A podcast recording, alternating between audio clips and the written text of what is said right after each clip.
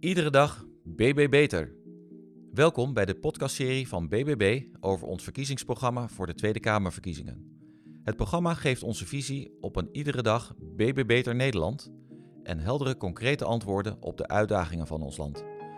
BBB vindt het belangrijk dat kiezers weten waar we voor staan en vooral wat we willen bereiken voor Nederland. In deze aflevering nemen we u graag mee naar de Noorberstaat met Minskepzin zoals wij die Nederland toewensen. In de HJ schoollezing op 4 september gaf Caroline van der Plas al aan. Het is 69 jaar geleden dat in Assen het standbeeld van Bartje werd onthuld. Bartje, ik bid niet voor Brunboon, groeide op in armoede op het Drentse platteland en was een echte kwajongen. Toen Willy van Hemert de verhalen bewerkte voor een televisieserie, werden de rollen gespeeld door mensen die in Drenthe geboren zijn en de dialogen werden in de streektaal gevoerd. De dialogen werden ondertiteld in het algemeen Nederlands.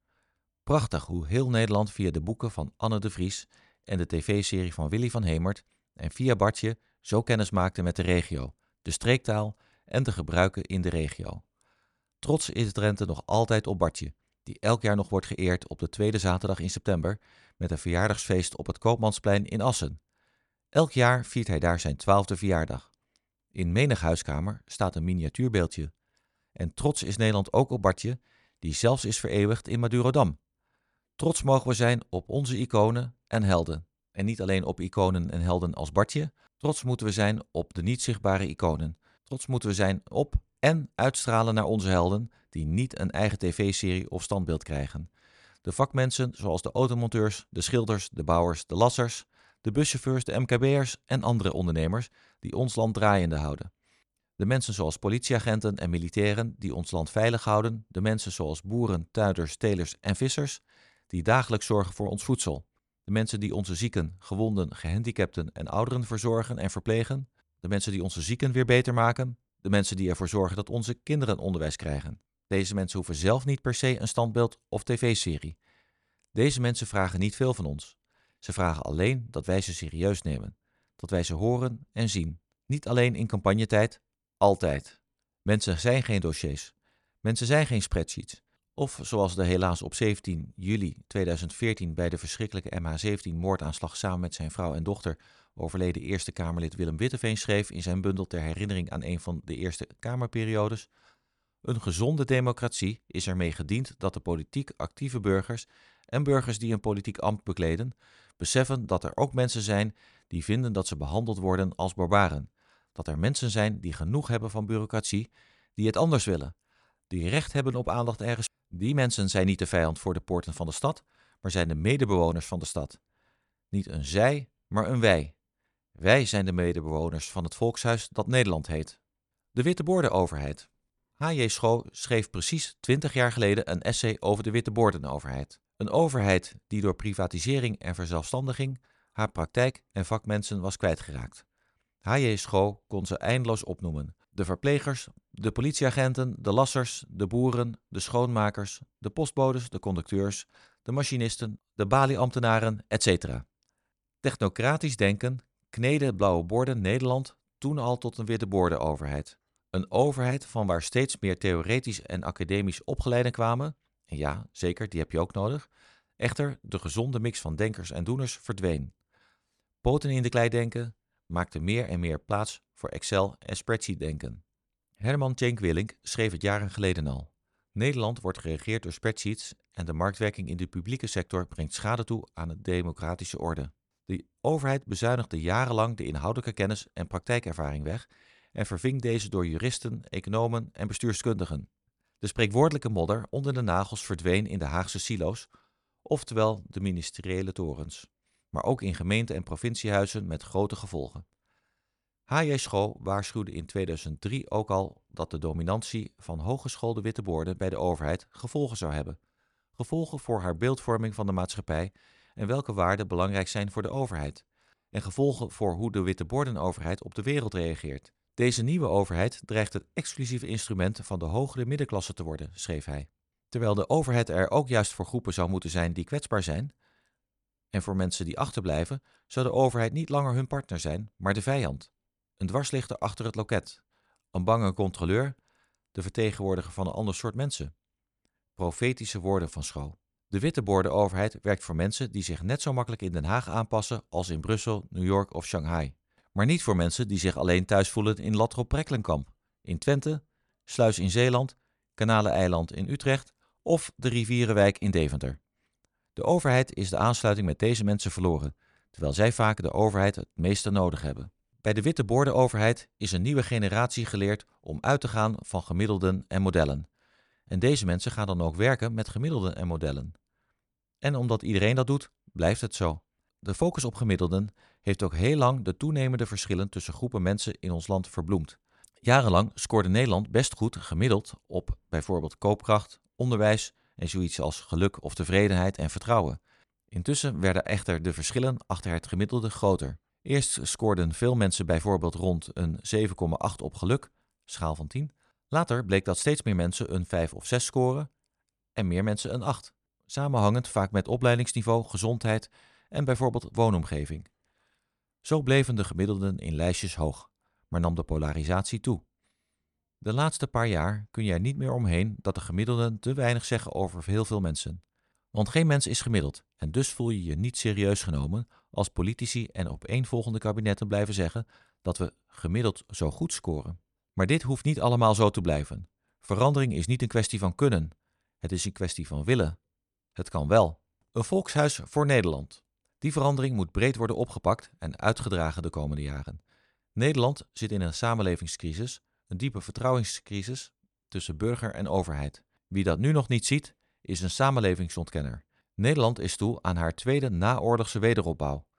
Het uitgangspunt is daarbij, zoals de nationale ombudsman ook zegt, de overheid is er voor de burgers en niet andersom. Nederland moet daarom een Noberstaat worden, een Minskipstaat. Dat is Fries voor gemeenschapstaat. Een overheid als een betrokken buurman of buurvrouw, waar je op kan rekenen, maar ook die gepaste afstand bewaart tot het persoonlijke erf. Een Noberstaat geleid door mensen met visie, praktijkervaring en integriteit, waar de overheid zich niet blind staart op de waan van de dag, maar oog heeft voor wat echt belangrijk is. Een overheid met visie. Wat willen we nou eigenlijk met Nederland? Hoe willen we dat Nederland er, laten we zeggen, in 2050 uitziet? Wie heeft welke ruimte nodig en wat is daar sociaal, maatschappelijk, economisch en ecologisch voor nodig? Een visie op de basis van ons leven. Gezond voedsel, gezonde lucht, schoon water. Huizen waarin geleefd kan worden. Banen die bestaanszekerheid geven. Een inkomen, gezondheidszorg die toegankelijk is. Zorg voor onze ouderen, toekomst voor onze jeugd, maar ook de bus die gewoon stopt in de straat of de straat verderop. Het zwembad dat kan open blijven, de pinautomaat op de hoek, de jaarlijkse barbecue, het dorpsfeest en het terras in de stad of in het dorp. Een visie op niet alleen welvaart, maar ook op welzijn. In Zweden noemen ze dit met trots hun volkhemmet, een samenleving die functioneert als een grote familie, waar je niet voor elkaar hebt gekozen, maar het wel met elkaar moet doen, waar iedereen bijdraagt, maar waar iedereen ook naar elkaar omkijkt. Dat is het Nederland waar we naartoe moeten, een volkshuis, met ruimte voor ieders mening, voor ieders geluid, voor ieders verhaal, voor ieders bestaan, met ruimte voor discussies en meningsverschillen. Ja, ook ruimte voor ruzie. En een Nederland zonder cancelcultuur. De overheid als maakbaarheidsproject. Door mensen te degraderen tot cijfertjes en statistieken en een overheid die zich verschanst heeft in silo's vol juristen, economen en bestuurskundigen, is de Nederlandse samenleving de laatste decennia er meer een van individuen en polarisatie geworden. Polarisatie ook door politici aangejaagd. Dit gebeurt door mensen met een, voor hen, minder welgevallige mening weg te zetten als dom, domrechts, wappies of proteststemmers. Politici noemen dagelijkse zorgen en vragen verjaardagspraat of borrelpraat of, ach, het zijn allemaal onderbuikgevoelens. Een bij veel Nederlanders populair programma als Vandaag Insight, dat seizoen op seizoen al jaren de hoogste kijkcijfers haalt, wordt neergezet als voetbalkantine TV. Alsof het allemaal pruttel-tv is voor lallend volk dat nergens verstand van heeft. Dagelijkse zorgen, maar ook dagelijkse grappen weghonen als kroegpraat, borrelpraat en verjaardagspraat. Dat is verschrikkelijk. Verschrikkelijk. Het deda wat daarmee wordt uitgestort over gewone mensen met gewone levens, gewone banen, gewone verlangens en behoeftes, gewone families, gewone humor, is ronduit stuitend. Jouw mening nemen we niet serieus. Jouw grap is fout. En het ergste is, de politici die dit doen, hebben het zelf niet eens door. Op verjaardagen bij borrels en in de sportkantine worden namelijk juist de zaken des levens, de dagelijkse zorgen en wensen besproken. Dat is de plek waar het leven op tafel wordt gegooid. En onderbuikgevoelens zijn ook gevoelens. Wij hebben juist de taak dit serieus te nemen en mensen gezien en gehoord te laten voelen. En natuurlijk hoef je het niet met elkaar eens te zijn. Maar mensen zien en horen leidt juist tot gesprekken en respect voor elkaars mening. En dan hoef je mensen niet onderuit te schoffelen, neer te halen, omdat zij toevallig niet de welgevallige mening hebben die jij hebt. Zelfs verkiezingsprogramma's gaan niet meer over de ziel van een partij en welke visie zij hebben voor Nederland, maar over nauwe financiële keuzes die je als een computerspel bij het CPB aanlevert, zodat je mee mag doen. In de spreadsheets wordt dan berekend wat je plannen ons gaan kosten, maar niet wat levert het ons als samenleving en gemeenschap op. Een verkokerde blik in plaats van een brede blik. Niet alleen welvaart, ook welzijn. Werk, inkomen, wonen, onderwijs, gezondheid, welzijn, sociale cohesie en leefomgeving doen er allemaal gelijktijdig toe. In de nieuwe Kamerperiode moet dit allemaal veel nadrukkelijker op elkaar betrokken worden. Er moeten natuurlijk altijd keuzes worden gemaakt en veel al uitruilen, niet alles kan tegelijk.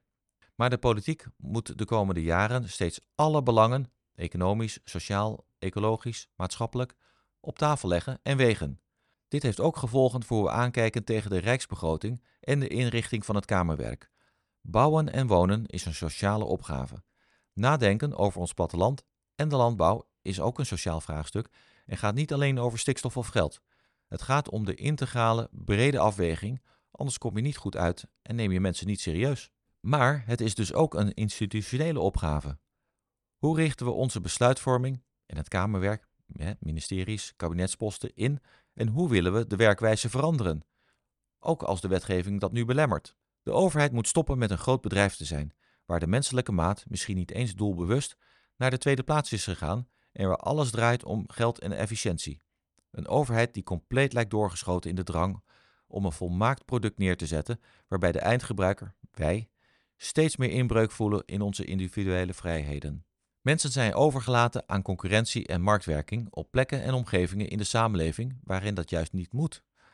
Dit terwijl tegelijkertijd de kleinste handelingen door werkgevers, werknemers en individuele burgers tot zeven cijfers achter de komma verantwoord moeten worden. Allemaal controledwang, toezichthoudersmentaliteit, scepticisme richting onze eigen burgers.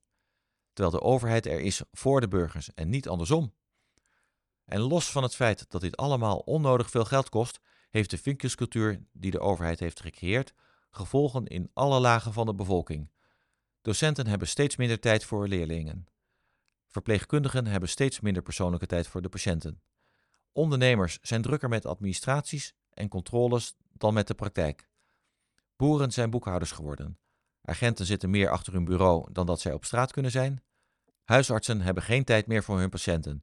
En al die nodeloze bureaucratie kost miljarden. Miljarden die wij zouden kunnen stoppen in zorg, onderwijs en politie bijvoorbeeld. Miljarden verspild omdat de overheid ons wantrouwt in plaats van vertrouwt. Omdat de overheid ons ziet als fraudeurs, zeurpieten en mensen die er toch geen verstand van hebben. Een overheid die beleid maakt op basis van wantrouwen in plaats van vertrouwen. En daardoor mensen in de ellende stort, tegen muren aan laat lopen en in de knel laat zitten. Kijk naar het toeslagenschandaal, de aardbevingsschade, de watersnoodramp in Zuid-Nederland en de huidige stand van de jeugdzorg, om maar wat te noemen. Loop mee met de zwakkeren, dan weet je zeker dat niemand achterblijft. En nee, je kunt niet bijna 18 miljoen mensen allemaal even tevreden houden. Dat is duidelijk. Maar het moet wel het uitgangspunt zijn. Als we dat nou eens proberen, dan komen we al een heel eind. En wie zijn die zwakkeren dan? Mensen met minder inkomen of geld, mensen met minder sociale contacten, mensen die minder geschoold zijn, mensen die in een minder leefbare omgeving opgroeien of wonen, mensen die een kwetsbare gezondheid hebben, iedereen die op al deze economische, sociale, persoonlijke en culturele hulpbronnen laag scoort, ervaart minder weerbaarheid en meer kwetsbaarheid. In de COVID-periode is de polarisatie en de tweedeling in de samenleving allemaal nog eens verergerd.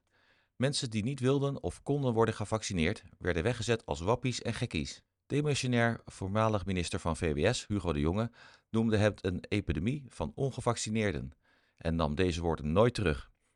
Door vaccinatiedrang, lockdowns, de QR-code en de gelukkig nooit ingevoerde, maar wel vergevorderde 2G zijn mensen en families tegen elkaar opgezet. Zijn families uit elkaar gevallen, hebben kinderen en kleinkinderen hun ouders en grootouders lange tijd niet kunnen zien en in veel gevallen zelfs geen afscheid mogen nemen op het sterfbed. Mensen werden geweigerd in cafés, bioscopen en theaters. Tegen kinderen werd gezegd dat ze beter niet naar opa of oma konden gaan, omdat als zij ze zouden besmetten, opa of oma misschien wel ziek kon worden en doodgaan. Tegen kinderen! UNICEF schreef ons als politiek een brief met het pleidooi om te stoppen dit op de schouders van kinderen te leggen. En we vergeten nooit de man die ons mailde hoe kapot hij was omdat hij uit het kerkkoor was gezet, omdat hij niet gevaccineerd was. 58 jaar was hij lid van dit koor. Zijn hele leven lag daar. Zijn vrienden waren daar, weggestuurd. Of de mail van de vrouw die door haar familie werd verboden om afscheid te nemen van haar stervende vader, omdat ze niet was gevaccineerd. Wij hebben mensen dit aangedaan. Wij hopen dan ook vurig dat de parlementaire enquêtecommissie, nadat de nieuwe Tweede Kamer is geïnstalleerd, alsnog wordt geformeerd en zijn werk gaat doen. Nee, niet alles ging fout. Er gingen ook dingen goed. Het is daarom tijd dat wat goed ging en fout ging op tafel komt, op een democratische wijze. Alle trends die we hebben genoemd, hebben ons als samenleving ingrijpend veranderd. Als we niet oppassen, raken mensen verder in zichzelf gekeerd. Raken ze nog meer sociale samenhang kwijt? Gaan mensen verder vereenzamen? Vinden ze nog moeilijker aansluiting met elkaar? En komt onze gemeenschapszin verder onder druk te staan?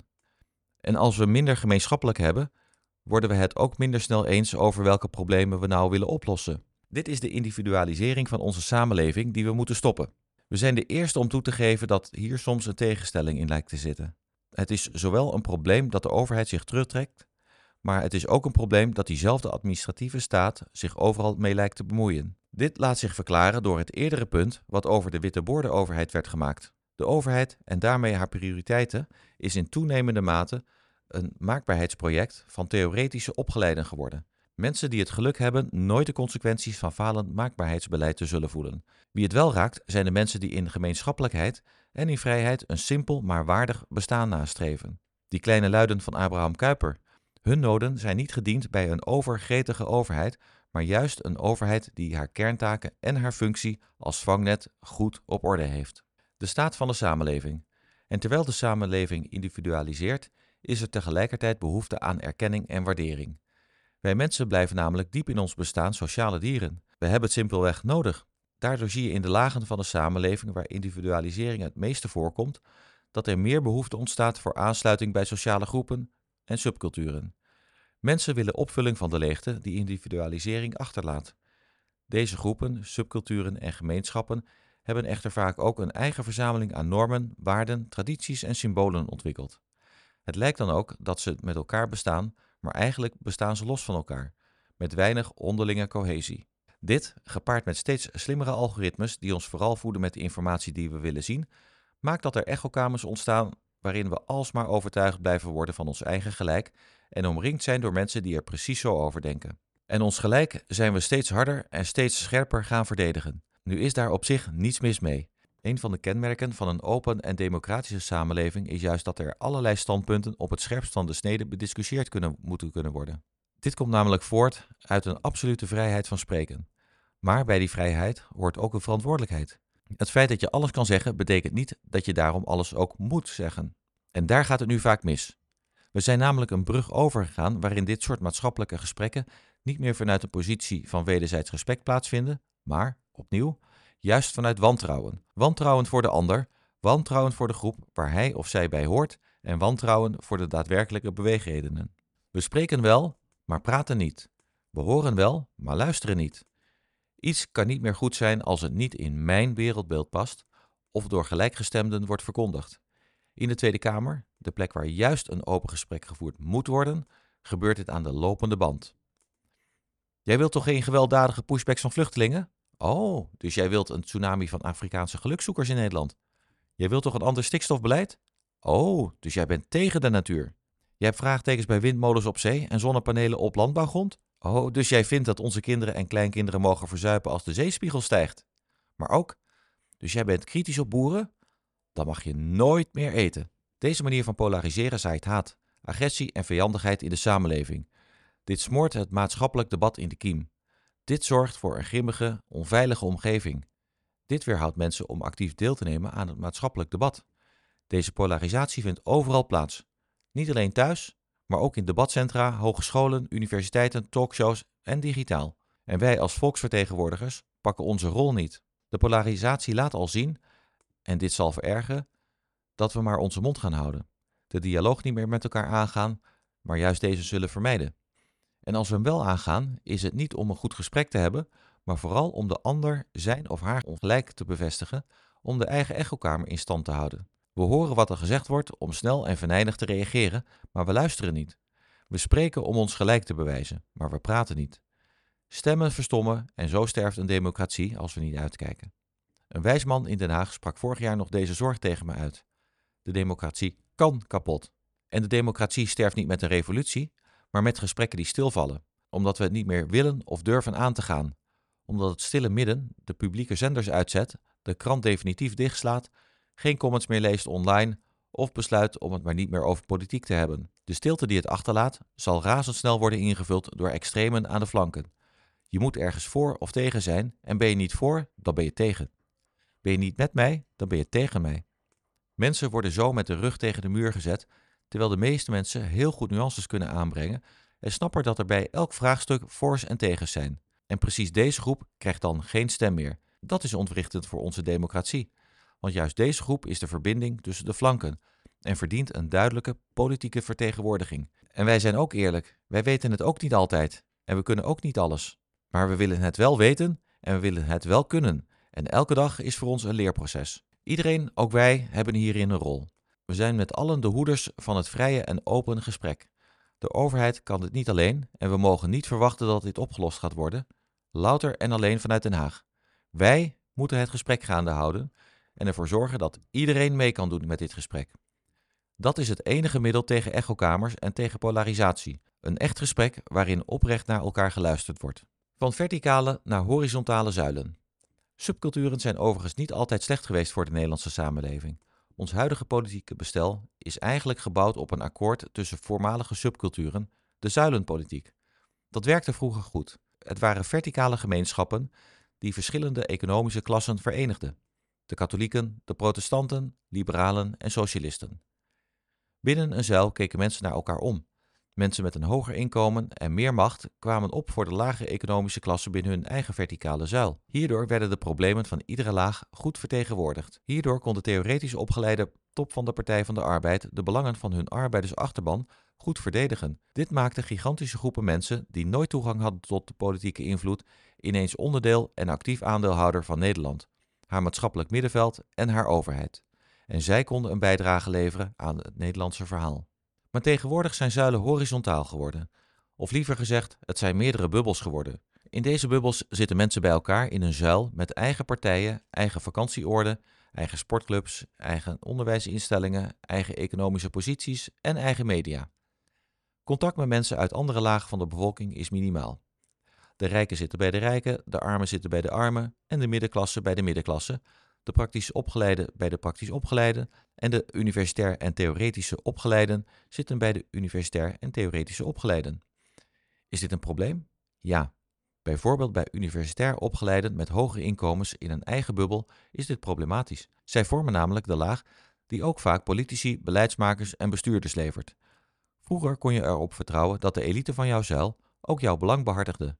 Dat gevoel zijn mensen kwijt, want die elites is zijn eigen bubbel geworden. Een gewone boermevrouw van dik in de 50 met overgewicht en met alleen een havenopleiding die woont in een rijtjeshuis in Deventer en Kamerlid is, wordt door die bubbel als rariteit gezien. Die wordt door mensen in deze bubbel ook wel eens smalend, maar vlodder genoemd. Of juffrouw Jannie. Halstarrige gemeenschapszin. Ondanks de individualisering en de maatschappelijke vervreemding van het openbaar bestuur zijn er zeker nog stevige gemeenschappen met een sterke identiteit en sociale cohesie te vinden in ons land. Kijk naar een regio als de Achterhoek of Twente, waar mensen zich Achterhoeker of Tukker noemen. De Zaanstreek, waar mensen zich Zaankanten noemen. Den Helder, waar mensen zich Jutters noemen. Of de eilanden, waar mensen zich eilanden noemen.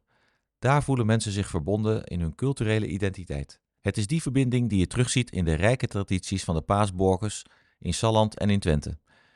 Het kabietschieten in Noordoost-Nederland, de dorpskermissen, het carnaval in Brabant en Limburg, het eiengooien in Tollebeek, het Kalamooifeest op Schiermonnikoog en de paaskeels in Ootmarsum of de trekkerslep in Hooghalen. En gevolg hiervan is dat mensen elkaar kennen, elkaar begrijpen, elkaar wat gunnen, elkaar in hun waarde laten en naar elkaar omkijken. Het faciliteren en in stand houden van dergelijke culturele tradities helpt dan ook mee aan de versterking van de sociale cohesie en noberschap in onze regio's en streken. Dit is van groot belang omdat juist daar waar mensen zich verbonden voelen, de effectiviteit van de democratie het sterkst is en de maatschappelijke vraagstukken het best opgelost worden. Het is juist die vertrouwde omgeving die mensen missen, of bang zijn te verliezen in de wereld van het doorgeslagen ego en de getallenreeksen van het spreadsheetbeleid. Kijkende naar de ontwikkeling in de regio, zijn die zorgen zeker legitiem. De openbaring van de regio. Het rapport Elke regio telt is een uitgebreide en goed onderbouwde uitwerking van ontwikkelingen die mensen in de regio's al heel lang zien gebeuren. De verschraling van de voorzieningen, dus de pinautomaat die verdwijnt, de dorps- of wijkagent die is verdwenen, de bus die niet meer rijdt, de dorpsschool die moet sluiten en of het zwembad dat dicht moet. Het is allemaal een beleidsfocus op grootstedelijke gebieden, te kortdurende en kleinschalige rijksondersteuningsprogramma's voor regio's en onvoldoende ogen hebben gehad voor de uitdagingen in regio's. Voor Den Haag leek het rapport een openbaring. Voor miljoenen mensen in Nederland stond er weinig nieuws in. De leefbaarheid van een gebied is voor een groot gedeelte afhankelijk van de mate waarin mensen in hun behoeften kunnen voorzien. Helaas zijn er steeds meer gebieden in ons land waar de aanwezigheid van basisvoorzieningen niet meer vanzelfsprekend is. Dit komt door een neerwaartse spiraal als gevolg van een overheid die uit de dorpen en kernen vertrekt omdat de instandhouding van dergelijke voorzieningen drukt op de overheidsuitgaven. Welvaart versus welzijn. Maar geld kan en mag niet altijd de reden zijn om ergens op te bezuinigen. Het getuigt juist van noberstatelijkheid als een overheid zorg draagt voor de leefbaarheid in haar regio's. Of haar inwoners de ruimte geeft om de aanwezigheid van voorzieningen zelf te organiseren. Zoals op het platteland ook soms gebeurt. Kijk naar het Cultuurhuis in Hoge Heksel Twente. Daar hebben tal van verenigingen onderdak. De financiering van het Cultuurhuis wordt door de verenigingen zelf opgebracht. Zo wordt daar bijvoorbeeld elk jaar een trekker, vrachtwagens, auto en motocross gehouden. Hexel on Wheels. Voor de groene lobby een nachtmerrie misschien, al die ronkende motoren op fossiele brandstoffen wat zo snel mogelijk verboden moet worden, maar voor het dorp is het, behalve een sociaal samenzijn met de opa's, oma's, vaders, moeders, kinderen en de jeugd onderling, brandstof voor het cultuurhuis. De opbrengst van de toegangsbewijzen vloeit immers rechtstreeks terug in de kas van het dorpshuis. En de verenigingen kunnen daardoor blijven bestaan. En zo draagt niet alleen Hexel on Wheels, maar elke vereniging bij aan het behoud van de sociale binding in het dorp. Boeren en burgers samen. Vergeet ook niet de rol van boeren en bedrijfsleven, vaak familiebedrijven in sociaal-culturele evenementen in de regio's.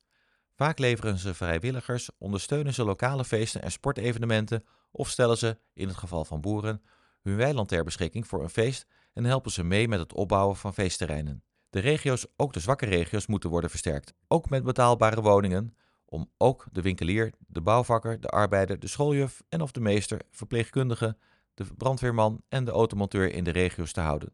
Mensen vragen niet veel van de overheid. Wij vragen veel van hen. Mensen willen gewoon hun geld kunnen pinnen, hun kind naar school brengen, hun brief op de post doen, met het OV of met de auto naar hun werk kunnen, indien nodig naar de huisarts en zo af en toe een duik in het publieke zwembad kunnen nemen. Helemaal geen vreemde eisen, toch? In veel gevallen zijn voorzieningen niet alleen praktisch, maar ook noodzakelijk. Hoe valt het uit te leggen dat een huisartsenpraktijk in een dorp als Petten verdwijnt? Inwoners, waaronder ouderen, die zijn overgeleverd aan het openbaar vervoer, zijn langer dan anderhalf uur onderweg naar de nieuwe locatie. En dat is nog steeds een van de honderden voorbeelden dat voorzieningen nog steeds verdwijnen uit het platteland. De beleidsfocus op grootstedelijke gebieden speelt deze voorzieningenongelijkheid onbedoeld in de hand. Het idee om de volgens beleidsmakers sterke regio's sterker te maken, zorgt ervoor dat de regio's die men als zwak bestempelt alleen maar verder achter komen te staan. Grote investeringen in ruimtelijke en sociale economie worden al jaren vooral gedaan in de Randstad en veel te weinig in andere regio's. Er is institutioneel urbanisme in onze overheid en in haar beleid geslopen. Het nationale beleid zou veel meer gericht moeten zijn om van alle regio's in ons land, ongeacht hun directe getalsmatige economische impact, succesregio's te maken. Hiervoor is een herstructurering van de te kortdurende en kleinschalige rijksondersteuningsprogramma's voor regio's noodzakelijk. Het feit dat er regiodeals zijn die enigszins in de financiële behoeften van regio's voorzien, is aan zich goed.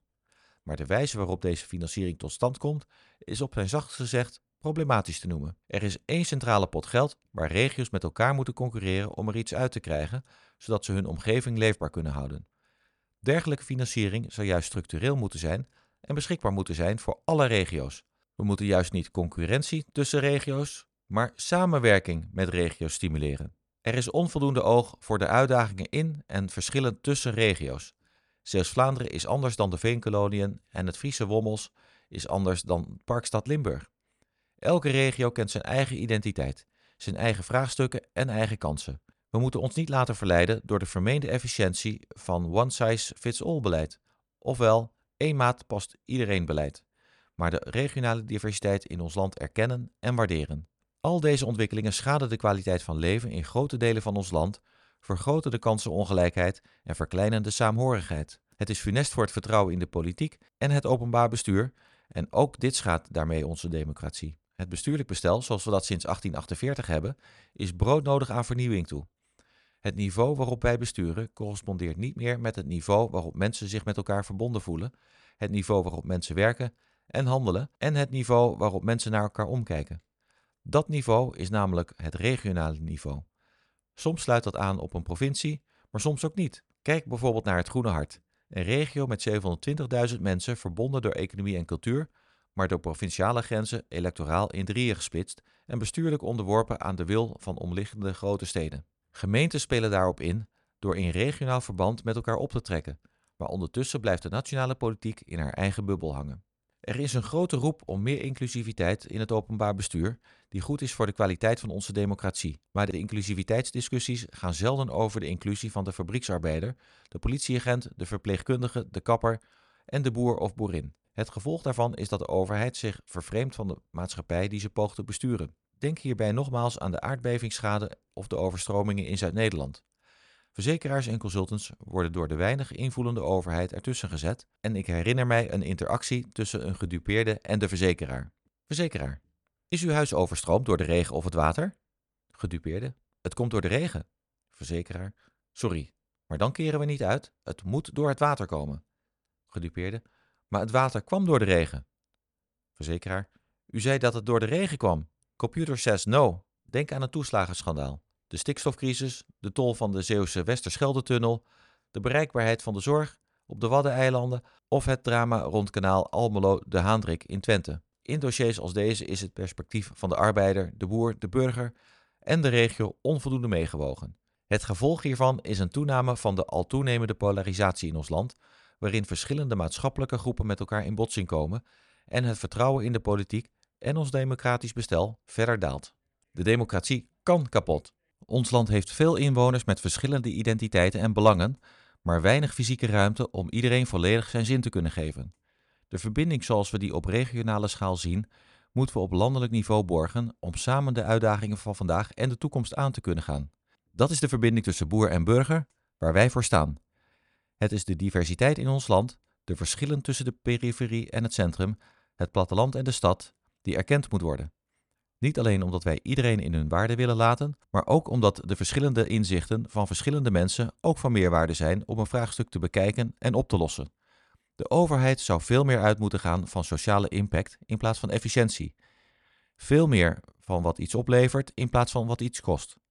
Zolang veranderingen in de landbouw worden uitgedrukt in stikstof, koeien en geld, slaan we de plank mis. Wat is behalve de ecologische impact de sociale en maatschappelijke impact van de landbouwtransitie? Daar zou het over moeten gaan. Tot zover deze aflevering van de BBB-podcastserie Iedere dag BB Beter. De volgende aflevering gaat over de wederopbouw van Nederland, zoals wij dat noemen. Ook vertellen wij u dan graag waarom wij voorstander zijn van een regieakkoord in plaats van een regeerakkoord. Tot volgende keer!